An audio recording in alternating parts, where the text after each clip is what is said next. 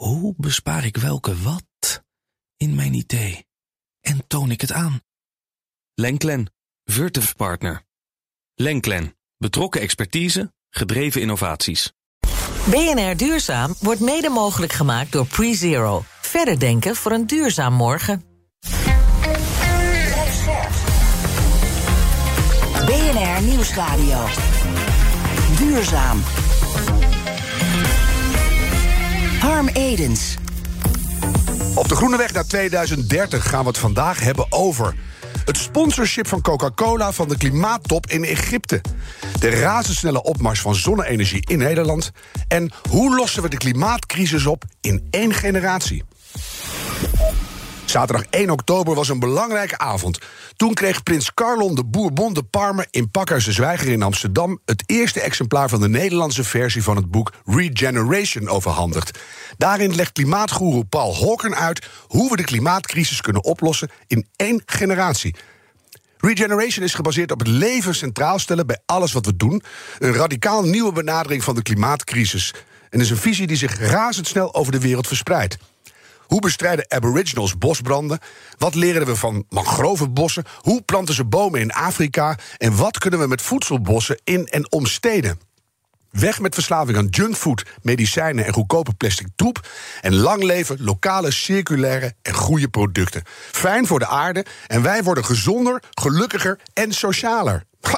En als iemand weet waar hij het over heeft, dan is het Paul Hawken. Veel deskundiger zijn ze niet te vinden. Ik ben Harm Edens, dit is BNR Duurzaam. En ons groene geweten is deze keer Nicky Trip van Netwerk 2100. Nicky, jij eh, gaat er meteen uh, flink in met de COP27, de milieubijeenkomst in Egypte. Die hebben een sponsordeal gesloten met Coca-Cola. Daar is nogal wat kritiek op. Wat vind jij ervan?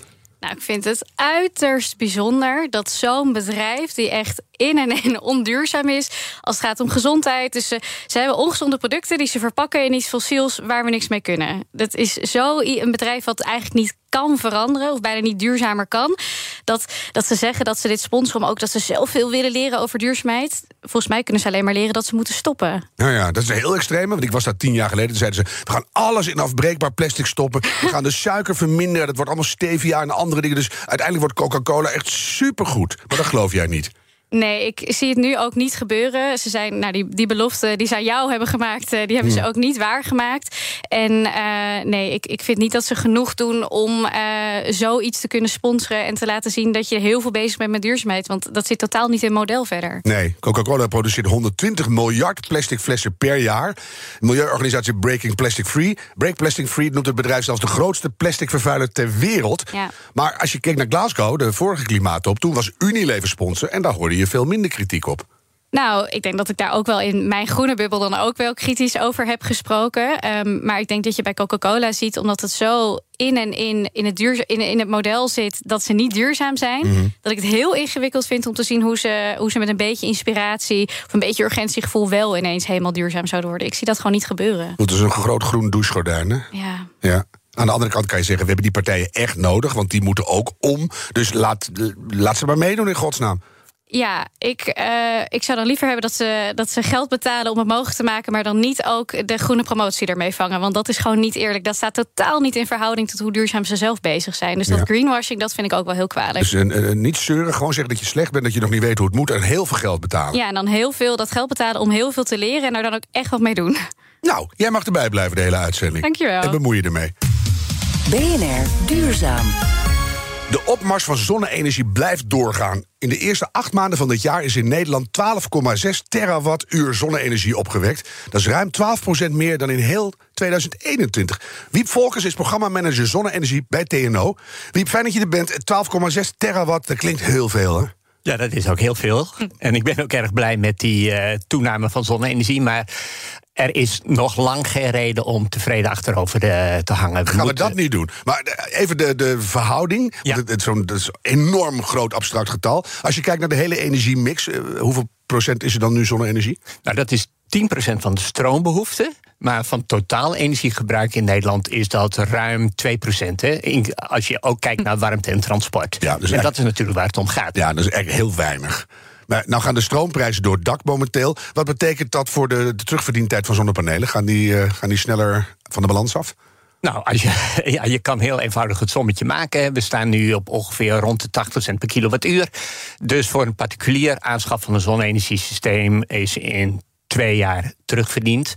Uh, maar ik vind het altijd zo ontzettend jammer, die nadruk op dat terugverdientijd. Ja, alsof het daarom gaat alleen. Hè? Ja, jeetje, eh, we mogen toch uh, gewoon ook vanuit ons uh, goede hart en van ons idealisme uh, iets bijdragen aan de leefbaarheid van de planeet. En misschien nog wel erger vanuit realiteitszin. Nou, Als je kijkt naar waar we heen zweven in het heelal. Het gaat echt niet goed. Dus uh, doe alles wat je kan. En heb je geld voor zonnepanelen? Doe het. Er zijn gelukkig heel veel mensen die er ook op die manier in zitten. Ja. Uh, maar op alle fronten mag er zeker een tandje bij. Mm -hmm. Die salderingsregeling is bij veel energiemaatschappijen nu voor de teruglevering is aangepast. Heeft dat nog iets te maken met die terugverdientijd? Of moet je daar gewoon niet meer op letten?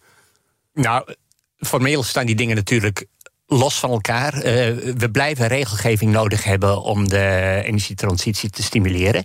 Uh, dus in plaats van die terugverdientijd uh, van die saldering gaan er ongetwijfeld andere dingen komen. Maar je eigen rekening die is zo hoog dat je die dan terug kan schroeven. Dus dan binnen twee jaar is wel echt wel goed hoor. Het helpt toch wel een beetje dat je denkt, nou, met een dief van mijn eigen portemonnee. Nicky, jij ja, zit te zwaaien. Ik vroeg me af, denk je dat die groei dan ook zo hard gaat doorzetten? Want dit, dat, dat we bijvoorbeeld van 0 naar 2 procent zijn, dat is op zich al best wel snel gegaan. En daar moest al heel veel voor gebeuren. Maar gaan we nu exponentieel heel snel verder of niet? Kan ik daarvan uitgaan? Of was, nou, dit, was dit een makkelijke groei bedoel je? Ja, ja, ja, dat kan. Nou, nou, ja, ja en nee. We lopen uh, redelijk in lijn met onze voorspellingen van TNO, zou ik zeggen. En uh, die groei die zal blijven versnellen. Dat is ook heel erg nodig. Ja. Kijk, uiteindelijk de totale energietransitie zullen we 100% naar zon en wind uh, moeten gaan in mm. Nederland. Hè. Ja. Dus voor zonne-energie zie je dat je zeker nog een factor 10, misschien wel 15 uh, nodig hebt.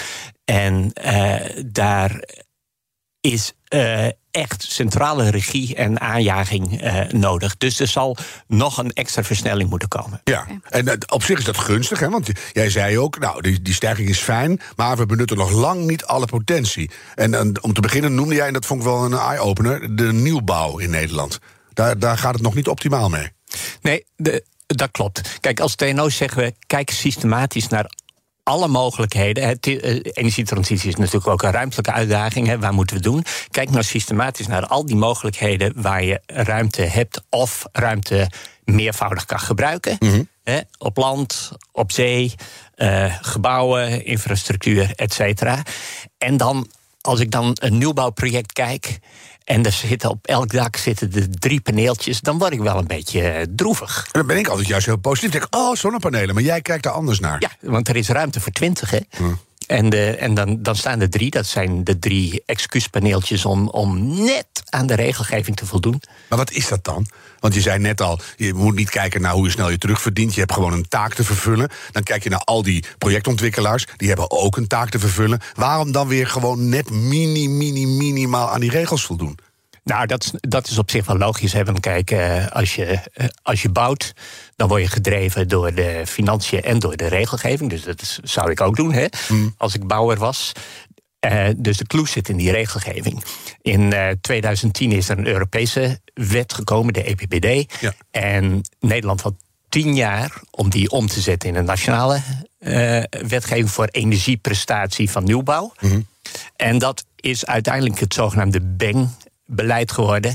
Maar dat is, dat is echt een behoorlijk afgezwakte versie, eh, redelijk eh, minimalistisch. Maar nu zijn we weer tien jaar verder. We weten uh, hoe het gaat en dat we echt de versnelling in moeten op en, en, en, en, en niveau. Dus dan is het nu hoog tijd voor het zittende kabinet om te zeggen: die regels moeten rap tempo worden aangescherpt, want we gaan een miljoen huizen bouwen. Ja, gelukkig is dat bankbeleid wel zo opgezet dat er knoppen in zitten waarmee het scherper kan draaien. Maar dat moet dus nu inderdaad ook gebeuren. Mm want uh, die, die drie paneeltjes op het dak, daaruit zie je dat die bouwers inderdaad regelgeving gedreven zijn. Anders zouden ze wel meer zetten. Ze doen gewoon die drie. Of niet, zouden ze helemaal niks zetten. Ja, tuurlijk. Maar uh, die drie zijn dus nodig om precies aan, het, uh, aan de Bing-norm uh, te voldoen. Ja, terwijl je feite oppervlakte verspeelt.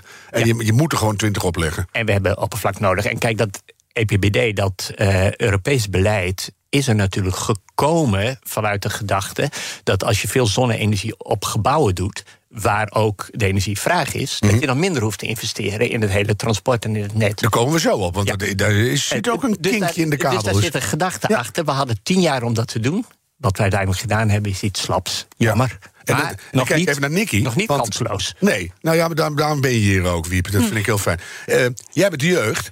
Ja. En eh, ja, jij, jij bent een toekomst, denk ik. Nou, dat lijkt me uiterst prettig om Ja. een eh, leefbare toekomst te hebben. Dus ik, als ik dit soort dingen hoor, denk ik, ja, als die knoppen er zijn, ik vind het heel bijzonder dat die nog niet zijn aangedraaid. Want als de ruimte er is en al het andere moeilijker zou zijn om het ergens anders neer te leggen, ja, waarom liggen die daken dan niet vol van die nieuwbouwhuizen die niet worden gekocht door mijn generatie, want wij kunnen helemaal geen huis kopen, maar van die mensen met generaties ook waar, maar eh, de mensen met het privilege die wel dat kunnen volleggen. schuurtjes, Ja. allemaal. Ja, dat moet gewoon vol. ja. ja. En hoe komt dat, denk jij, Wiep, dat dat niet gebeurt?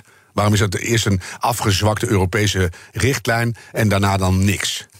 Ja, ik weet dat niet precies. Je kunt natuurlijk eh, vermoedens hebben. We weten dat er natuurlijk aan alle kanten gelobbyd wordt richting eh, regering. Er lopen hele mooie lijntjes ook van fossiele bedrijven naar eh, de regering. Dat hebben we ook nu recent Nou ja, in de dat hadden we enquête twee- weer gezien. Hè? Twee, drie uitzendingen geleden hadden we de, de, de harde cijfers. In 52 landen is in één jaar tijd de subsidie voor, voor fossiele brandstof van 247 miljard naar bijna 600 gestegen of zo. Niet Ja. normaal. Bizar. Ja. Dus En dat doen we in Nederland ook aan mee. ja, Hè? Dus, eh, daar zit het hem, denk jij. Nou, ik, ik kan een vermoeden uitspreken. Hm. Ik zeg, ik, eh, ik weet het niet, maar ehm, het, het, is wel, het verbaast me wel. Het valt wel op. De fossiele lobby helpt in ieder geval niet, volgens Nee, mij. die moet Nee. ook om, hè? Ja. Nou ben jij ook heel kritisch, want we hebben natuurlijk nu uit de pan reizende, door het dak schietende energierekeningen. En daar komt nu een prijsplafond voor. En dan is iedereen toch weer een beetje opgelucht. En de gasprijzen dalen nu ook heel sterk door de ge- gedaalde vraag daarnaar. En, maar jij zegt, het is eigenlijk niet goed.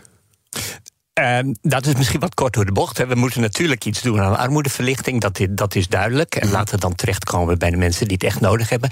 Maar 23 miljard wordt er nu uitgetrokken voor dat energieplafond. In één jaar. En dat is geld wat in één jaar dan weg is. Hè. Wat, we, wat in feite eh, subsidie voor fossiel is. Fossiel. Eh, we storten dat in het grote zwarte fossiele gat. En na één jaar is dat op. En om een idee te geven, 23 miljard.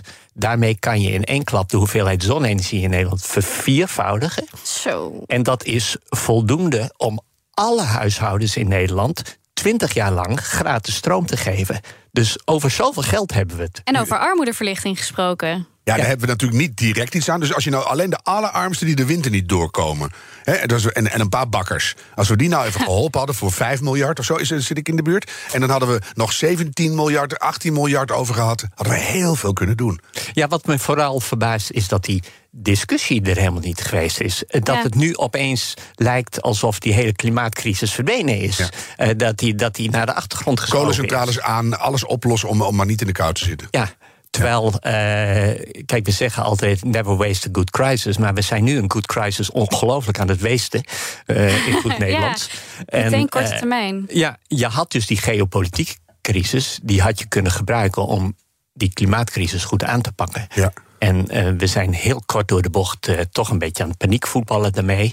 En eh, dus ik noem die cijfers ook over die 23 miljard. Om even te laten zien dat dat 20 jaar lang gratis stroom voor alle huishoudens vertegenwoordigt. Als je dat met zonne-energie doet. Ik denk dat we deze En aflevering. gewoon weg. Ja, ik denk dat we deze aflevering even als podcast moeten opsturen naar klimaatminister Rob Jetten. BNR Nieuwsradio. Duurzaam. Harm Edens. Kleine 20% van de Nederlandse huishoudens heeft zonnepanelen op het dak liggen. Installateurs kunnen de vraag momenteel nauwelijks aan.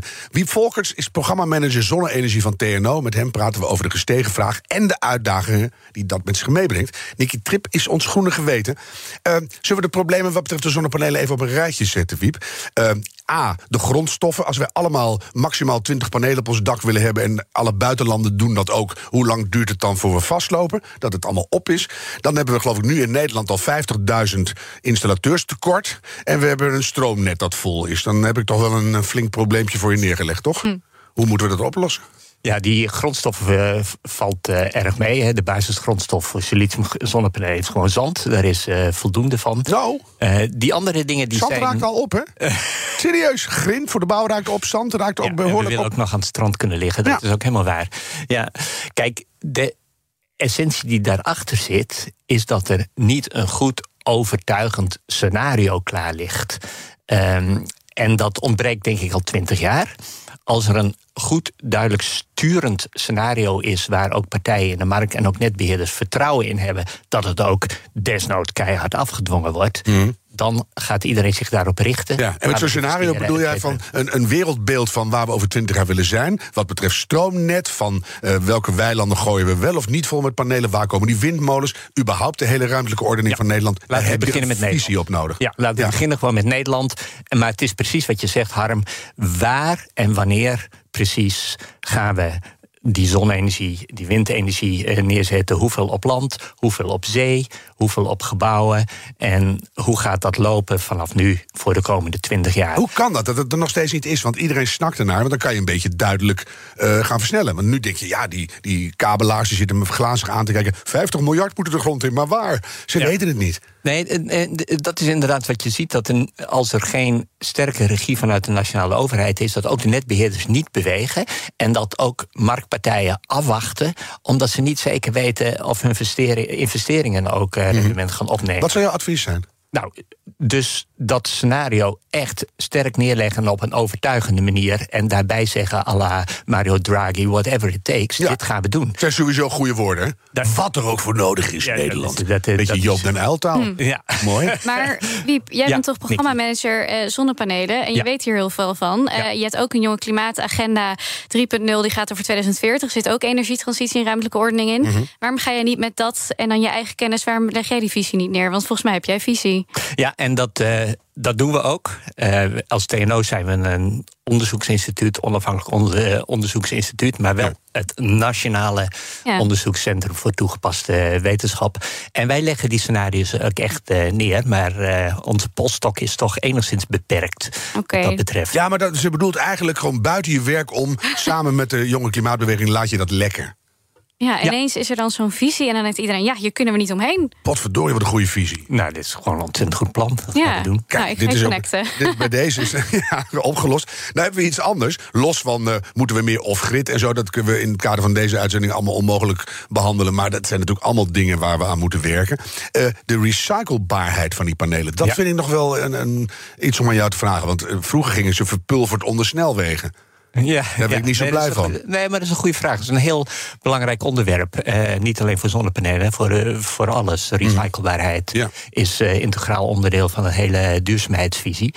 Nou, is het bij zonnepanelen al best behoorlijk goed qua recyclebaarheid. Hè? Orde grootte 90% is Oh. nog niet genoeg, maar niet slecht. Niet maar slecht. wel een stuk beter dan bijvoorbeeld auto's of huishoudelijke apparaten. Auto's beweren ze gewoon 98 procent, hè?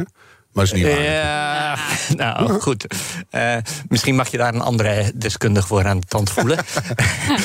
maar ehm, eh, bij TNO is ehm, die recyclebaarheid of circulariteit van zonnepanelen is een heel belangrijk onderwerp in ons programma. En stijgt dat nog steeds? Dus de nieuwe types die worden steeds beter weer Ja. uit elkaar haalbaar en weer opnieuw te gebruiken. Nee, eh, dat klopt. Dus je moet eh, op het gebied van de materialen die erin zitten, moet je een aantal wijzigingen aanbrengen. We zijn daar heel goed mee op weg. We, ook internationaal wordt dat gezien. We worden ook vanuit andere landen in Europa eh, gevraagd, juist om die reden om mee te doen aan Europese projecten. Mooi. Dan uiteindelijk, hoe meer we er op een dak leggen en hoe efficiënter ze zijn, Ja. hoe groter het rendement. Is zit daar nog een rek in? Want ik geloof dat we nu eh eh 24% eh, rendement op die panelen hebben. Kan dat nog omhoog per vierkante meter? Nou, volgens mij kan jij gewoon programmamanager TNO eh, worden. Want dit, is, eh, eh, dit zijn precies de belangrijke onderwerpen waar we aan werken. De efficiëntie van zonnepanelen is inderdaad in deze technologie, siliciumtechnologie, eh, maximaal 24 ongeveer. door de bank genomen wat er nu op de markt is, ongeveer 20 procent. Ehm, ik ben ervan overtuigd dat dat nog een heel stuk hoger kan. We gaan ook richting graniet, heb ik begrepen, en zo. Dus al- andere grondstoffen. Mm. Schijnen er ook aan te komen. Nou, nu, haak ik even af. Maar ja, goed, dan hoor je dan binnenkort. Eh, ja, nee, Van de programmamanager Harm. Nee, wij, wij zetten de kaart op de zogenaamde tandemtechnologie, waarbij, eh, waarbij de zonnecel op zich ietsje complexer wordt, maar wel, waar wel een route richting 30% efficiëntie eh, voor de hand ligt. En wie weet denk- wat daarna nog komt, hè? Ja, maar Dus, ik denk dat we over vijf jaar daar ongeveer zitten. En dan heb je dus eh, anderhalf keer zoveel opbrengst per oppervlak. En dat hebben we nodig. Ik uh, kan niet wachten tot jouw masterplan uitkomt. Samen met uh, nou, Nicky en uh, vele anderen. Wie Volkers van TNO, dank voor dit gesprek. Nicky, wat ga jij meenemen naar de, de avonddis? Wat vertel je verder? Nou, ik denk eigenlijk die visie. Dus dat er blijkbaar dat het bij de overheid of bij, de, hè, bij het kabinet nog niet duidelijk is waar we heen moeten. En dat daardoor iedereen eigenlijk afwachtend is. Nou, dat moeten we veranderen zo snel mogelijk. Dus maar dat geldt toch echt voor alles, jongens? We hebben toch een totaalvisie nodig. Waar zijn we in 2050? Waar Is- zijn we in 2100? Is zeker En waar. Waar gaan die boeren zitten? Welke robuuste natuur willen we hebben? Eh, waar kunnen we nog een beetje recreëren? Waar gaan we vooral wel of niet bouwen? Hè? Ja. Eh, wat voor land willen we maken, kabinet? Kom eens Ja. door de bocht. Ja, zeker. Maar dat moet dus blijkbaar ook hier nog voor gebeuren. om- Omdat ook die netbeheerders dus nog afwachtend zijn. Dat kan niet meer. Dus, eh, nou, misschien moet je even een oproep doen nu. Ja, alle netbeheerders melden voor een heel groot plan. Want we gaan jullie allemaal zorgen dat jullie duurzaamheid gaan omarmen. En zonnepanelen heel snel. Ja, en wil jij dat dan even doen voor het kabinet, Wiep? Ja, idem voor het kabinet. Oh, super. Oh, dat vind ik echt, die kunnen we echt goed eh quoten. Nou, daar sluit ik dan helemaal bij aan. dit, denk ik. Want het is eh, essentieel. We zitten erop te wachten. Dankjewel, Nicky Trip van Netwerk 2100. Dit was BNR Duurzaam. De groene weg naar 2030. Laten we die met z'n allen nemen en een beetje doorlopen graag. De tijd van treuzelen is voorbij. BNR Duurzaam wordt mede mogelijk gemaakt door PreZero. Verder denken voor een duurzaam morgen. Mijn